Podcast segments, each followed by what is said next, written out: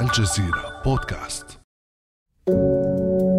من منا لم يتابع قصص وافلام الخيال العلمي التي تعدنا بالكثير عندما يتعلق الامر بالتحكم بالدماغ والسيطره عليه Animal life on Earth goes back millions of years. Yet most species only use 3 to 5% of its cerebral capacity. But it isn't until we reached human beings at the top of the animal chain that we finally see a species use more of its cerebral capacity. كان هذا مورغان فريمان في مقطع من فيلم لوسي يتحدث عن تحميل ملفات إلى دماغنا Imagine a future where nobody dies. تخيل عالمنا في المستقبل لا يموت فيه أحد حيث نقوم بتحميل عقولنا إلى عالم رقمي محاك لعالمنا الحقيقي ويمكنه التفكير والتفاعل مع عالمنا الحالي أما هذا المقطع فهو مقتطف من فيديو تعليمي على منصة TEDx يعرض إمكانية تحميل المعلومات من الدماغ إلى أجهزة حاسب آلي. تقنية تبدو مستبعدة إلا أن تقنيات أخرى قد تصبح ممكنة. شركة Synchron التي تتخذ من نيويورك مقرا لها أعلنت حصولها على موافقة من إدارة الغذاء والدواء لبدء التجارب السريرية على شريحتها ستنترود شريحة تزرع في أدمغة المرضى لمعالجتهم من أمراض عديدة من بينها الشلل فما الذي يخبرنا عنه العلم عن الهندسة العصبية الدماغية؟ وهل يمكن فعلا أن تتحول عقولنا إلى مساحات تخزن المعلومات والمعادلات الرياضية كما تفعل الحواسيب المتطورة أم أن الأمر أكثر تعقيدا من ذلك؟ بعد أمس من الجزيرة بودكاست أنا أمال العريسي. وينضم إلينا في هذه الحلقة الدكتور خالد الخرزي استشاري أول جراحة المخ والأعصاب والعمود الفقري بمستشفى السدرة للطب أهلا بك دكتور خالد. شكرا جزيلا أخت أمل على الاستضافة الكريمة وشكرا لجميع الزملاء في هذا البرنامج الجميل. أهلا بك دكتور موضوعنا شيق ويثير الكثير من الفضول لأنه يجمع بين الخيال والواقع. واليوم مثل ما يقولوا راح نشوف شو الصح وشو الغلط في هذا الموضوع. بداية دكتور قبل أن نغوص في قصة هذه الشرائح الدماغية دعنا نوضح كيف يعمل الدماغ. الدماغ هو ذلك الكائن المحير للعلماء منذ قرون ولكن في العشرينات بدأ الناس ينتبهون لموضوع كهربائية الدماغ وكان هنالك عالم أو طبيب نفسي في ألمانيا اسمه هانز بيرجر ويعتبر هو أول من اكتشف كهربائية الدماغ. بشكل عام هناك تفاعلات كيميائية تحدث في الدماغ بشكل مستمر وهو ما ينتج عنه شحنات كهربائية طبيعية وقد ينتج عنه أيضا شحنات كهربائية غير طبيعية. فهناك ناقلات عصبية نيورو ترانسميترز اللي بتنقل الإشارات الكهربائية من المخ إلى الجسم وبالعكس. وهذه النواقل العصبية هل يمكننا دكتور أن نخترقها بشكل أو بآخر ونستخلص المعلومات منها؟ واضح من التطور العلمي الحالي أننا نستطيع ذلك. ما دمنا نتكلم عن تفاعلات كيميائية وكهرباء فبالتالي نستطيع أن نتحكم أو نسجل مثل هذه الشحنات. طيب وكيف ذلك؟ نحن في جراحة المخ والأعصاب. على سبيل المثال نعمل عمليات نسميها جراحة الصرع أو جراحة لاستئصال الشحنات الكهربائية أو البؤر الكهربائية في المخ. فنأتي بالمريض ونجري بعض العمليات التي تشخص لنا من أين مصدر الشحنات الكهربائية. فيكون هناك فتحة صغيرة في المخ ونضع عليها شرائح وبالتالي يمكننا التعرف على مكان البؤرة التي تنتج الشحنات الكهربائية. وإذا تمكنا من السيطرة على الشحنات الكهربائية الغير طبيعية واستئصالها فقد يتم شفاء المريض تماما من هذا المرض. وهذه الشرائح التي تضعونها في الدماغ دكتور خالد هل هي نفسها الشرائح التي نتحدث عنها اليوم؟ أم أنها فقط شرائح مرتبطة بأجهزة تقيس هذه الموجات الكهربائية؟ لا ما زلنا في مرحلة مبكرة عن الشرائح التي سنتحدث عنها لاحقا والتي هي أكثر دقة والتي قد تنتج عنها خرائط دقيقة جدا للمخ نحن نتكلم عن تسجيل أو ريكوردينج من مناطق كبيرة في المخ في الوقت الحالي لكن ما سنتحدث عنه لاحقا من التطورات العلمية هو زرع شرائح بأعداد كبيرة جدا وعلى مستوى مليمترات صغيرة في المخ وبالتالي تكون أكثر دقة. سمعنا كثيرا دكتور عن هذه الشرائح حقيقة في الأفلام في السينما في الفيكشن كما يقال وسمعنا الكثير من الحكايات فما هو الصحيح وما هو الخاطئ في هذه الحكايات؟ هل بالفعل اليوم يمكن زرع شرائح مليمترية صغيرة كما أشار الدكتور في الدماغ البشري؟ نعم فكما تفضلت في البداية شركة Synchron التي اخترعت ال Stentrode بإمكان الزملاء في الأشعة التداخلية زراعة هذه ال Stentrode من خلال قسطرة دماغية وزرعها في أحد الأوردة الصغيرة على مستوى مليمترات صغيرة في المخ فإذا زرعت عند منطقة الحركة مثلا في المخ فتستطيع تسجيل الحركات أو الكهرباء الناتجة عن حركات التي تنتج عن هذه المنطقة.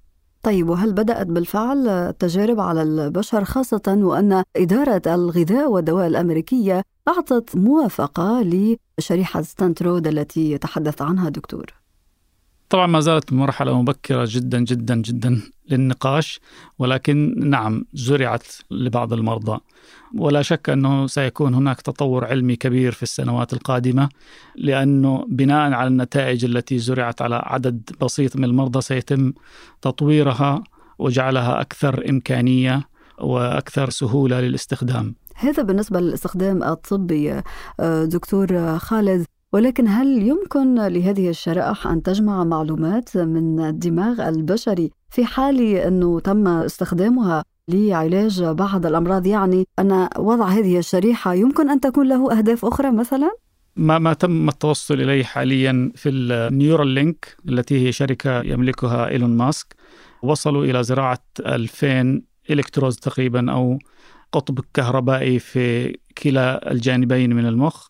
وبناء عليها درسوا كل حركة من حركات على سبيل المثال حركة ثني الذراع أو مد الذراع أو قبض اليد أو مدها. درسوا التفاعلات أو الخوارزميات الناتجة عن مثل هذه الحركة.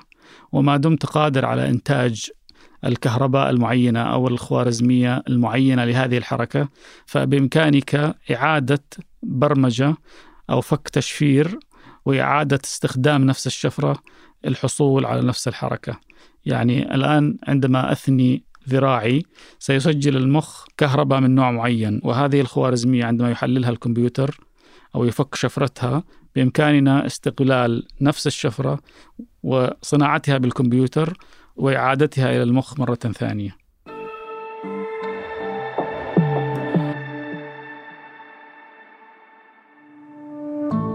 ابقى على تواصل مستمر مع الجزيرة بودكاست ولا تنسى تفعيل زر الاشتراك الموجود على تطبيقك لتصلك الحلقة يومياً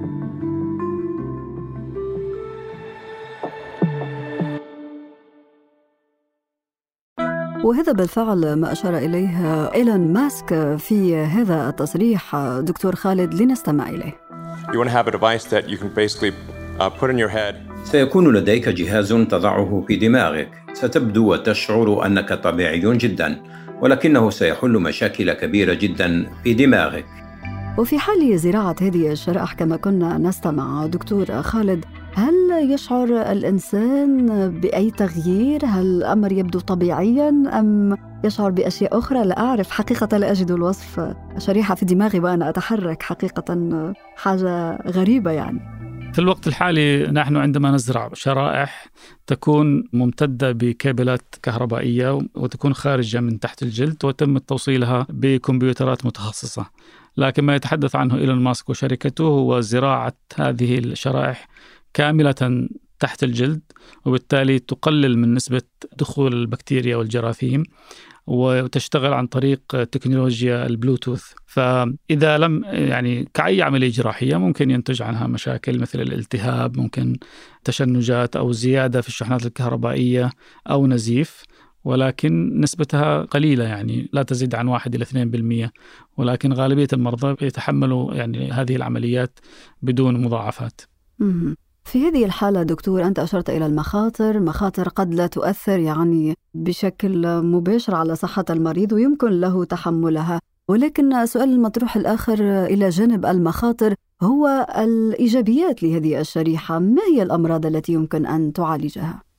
عندما تستطيع التنبؤ بالمعادلة الكيميائية الكهربائية لأي حركة في الجسم نحن نعرف أن هناك منطقة خاصة بالحركة. في المخ فإذا استطعنا أن نتنبأ وأن ننتج نفس الشحنات الكهربائية التي تنتج حركة اليد على سبيل المثال فبإمكاننا أن نحول هذا إلى طريقة لتحفيز الأعصاب التالفة. على سبيل المثال إذا كان هناك مصاب بقطع الحبل الشوكي في منطقة الرقبة فهو لا يستطيع أن يحرك على سبيل المثال يده اليمنى. لكن عندما نعرف ما هي الكهرباء المسؤولة عن حركة اليد فإنه بمجرد أن يفكر بتحريك اليد سوف يحركها. وهذه معناها حقيقة مسألة تثير الكثير من الفضول أيضا. يعني بمجرد تفكيره يطلق دماغه هذه الموجة الكهربائية الخاصة بحركة اليد اليمنى. بالضبط. طبعا لازلنا نتحدث عن مرحلة مبكرة جدا ولكن هذه هي الفكرة الرئيسية من الموضوع. نعم. طيب يعني الأمر مرتبط بالأفكار. دعنا نصعب المسألة قليلا دكتور. إذا كانت هذه الشرائح تجمع هذه المعلومات ترصد الموجة الكهربائية لتعطيك فكرة عن الحركة المطلوبة التي يمكن للحواسيب أن تعيد إنتاجها. وبالتالي إذا ما تعلق الأمر مثلا ب... ليس بمواقع الحركة هذه أعتقد أسهل حاجة في ال... في علم الأعصاب. لو تحدثنا عن المشاعر مثلا الفرح السعادة الحزن هل يمكن لهذه الشرائح أن تجمع معلومات عنها؟ طبعا نظريا هي نفس المبدأ يعني طالما أنت قادر على أن تحرك اليد بدون أن تكون هناك حبل شوكي يوصل الحركة فمن الممكن أيضا أن تسجل الذاكرة بإمكانك أن تسجل الأفكار. أوه الذاكرة خطيرة هذه يعني الذاكرة هذه ملك ملك شخصي. يعني ممكن لهذه الشرائح أن تسجل الذاكرة؟ يعني أحداث أحيانا مرت على الإنسان كثيرة يريد أن ينساها فهذه الشرائح بإمكانها أن تسترجعها وتسجلها عندها نظريا نعم ولكننا في مرحلة مبكرة. ومثل كل الاختراعات العصرية كالإنترنت وكالسوشيال ميديا لها سلاح ذو حدين يعني. يمكن أن تستغل في الاتجاهين في الاتجاه السيء وفي الاتجاه يعني يا دكتور خالد الإنسان أحيانا تكون له أفكار يريد أن يحتفظ بها. وأنت تحدثت عن نظريا أن هذا يمكن أن يحصل ولكن على مستوى الشخصي ذكريات يمكن أن أتخلى عنها أو بعض الأسرار الشخصية ولكن الأمر يمكن أن يكون أخطر إذا ما تعلق مثلا برجل أمن أو بعالم لديه أفكار أو بعض الحلول العلمية في دماغه. لا شك أنه ستكون هناك خطورة بالغة في مثل هذه الأمور. ولكن أيضا لها فوائد كثيرة لا تحصى إذا تم نجاح مثل هذه الأفكار في تحريك الأطراف المشلولة على سبيل المثال أو تحسين الذاكرة أو السيطرة على شحنات كهربائية. لا نستطيع السيطرة عليها بالأدوية ولكن أكيد كما ذكرت كما تفضلتي أنه لها خطورة وأظن أنه سيتم التعامل معها زي ما كما نتعامل مع الهاكرز ومع ال viruses في الكمبيوتر. طيب في هذه الحالة هذا التعامل هل هناك قوانين تنظم هذه المسألة؟ ولا شك أننا سنشهد تسابقا بين الشركات باتجاه إنتاج هذه الشرائح الدماغية.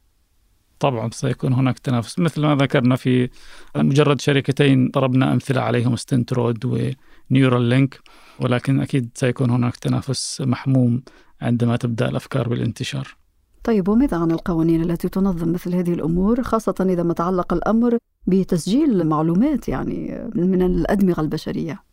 أتوقع أنه سيكون هناك قوانين وتغييرات دستورية جذرية عندما نصل لتلك المرحلة. دكتور في النهاية حقيقة الحديث مشوق ويجمع بين الفضول والغموض المعلومات. أعتقد أنها لا تزال غير مكتملة سواء عندي أو عندك دكتور. يعني الحقل لا يزال قابلا للكثير من التجارب والاختراعات. ولكن يبقى السؤال الذي نطرحه دائما في كل اختراع علمي هل يمكن للإنسان أن يصبح مرتبطا أكثر بالآلة أم أن الآلة ستمنحه قوة أكبر؟ هذا جزء من الخيال العلمي الذي نتطلع إلى أن نراه ولا ندري هل سنعيش إلى تلك اللحظة أم لا لكنها ستكون يعني فترة شيقة في تاريخ البشرية عندما نبدأ يعني معاركنا مع الروبوتس والخيال العلمي طيب دكتور سؤال شخصي في نهاية هذه الحلقة هل توافق أن يتم زراعة شرائح لم تتحدث عن شريحة واحدة دكتور تحدثت عن شرائح كثيرة مليمترية في دماغك؟ في دماغي أنا؟ نعم سؤال جميل إذا إذا كانت ستفيدني إذا كنت لا سمح الله مشلولا وكانت هذه الشريحة ستفيدني في حركة الذراع أو اليد أكيد سأكون ممتنا. هو ألف سلام عليك دكتور طبعا ولكن لا أتحدث عن هذا الجانب الطبي يعني لجوانب أخرى. أريد أن أعرف المعلومات التي في دماغك مثلا. في هذه الحالة لا لن أسمح بتسريب المعلومات السرية التي في دماغي. طبعا أكيد أن هذا الموضوع يحتمل الكثير من المخاوف طبعا والمخاطر ولكن لا شك أن التطور العلمي يدفعنا للمزيد من الابتكار والاختراع والهدف أكيد الأسمى هو إنقاذ البشرية وحمايتها من كل الأمراض وتحقيق العلاج لكل الأمراض. شكرا لك دكتور خالد الخرزي الاستشاري الأول في جراحة المخ والأعصاب والعمود الفقري بمستشفى السدرة للطب على كل هذه المعلومات المهمة. شكرا جزيلا. كان هذا بعد أمس.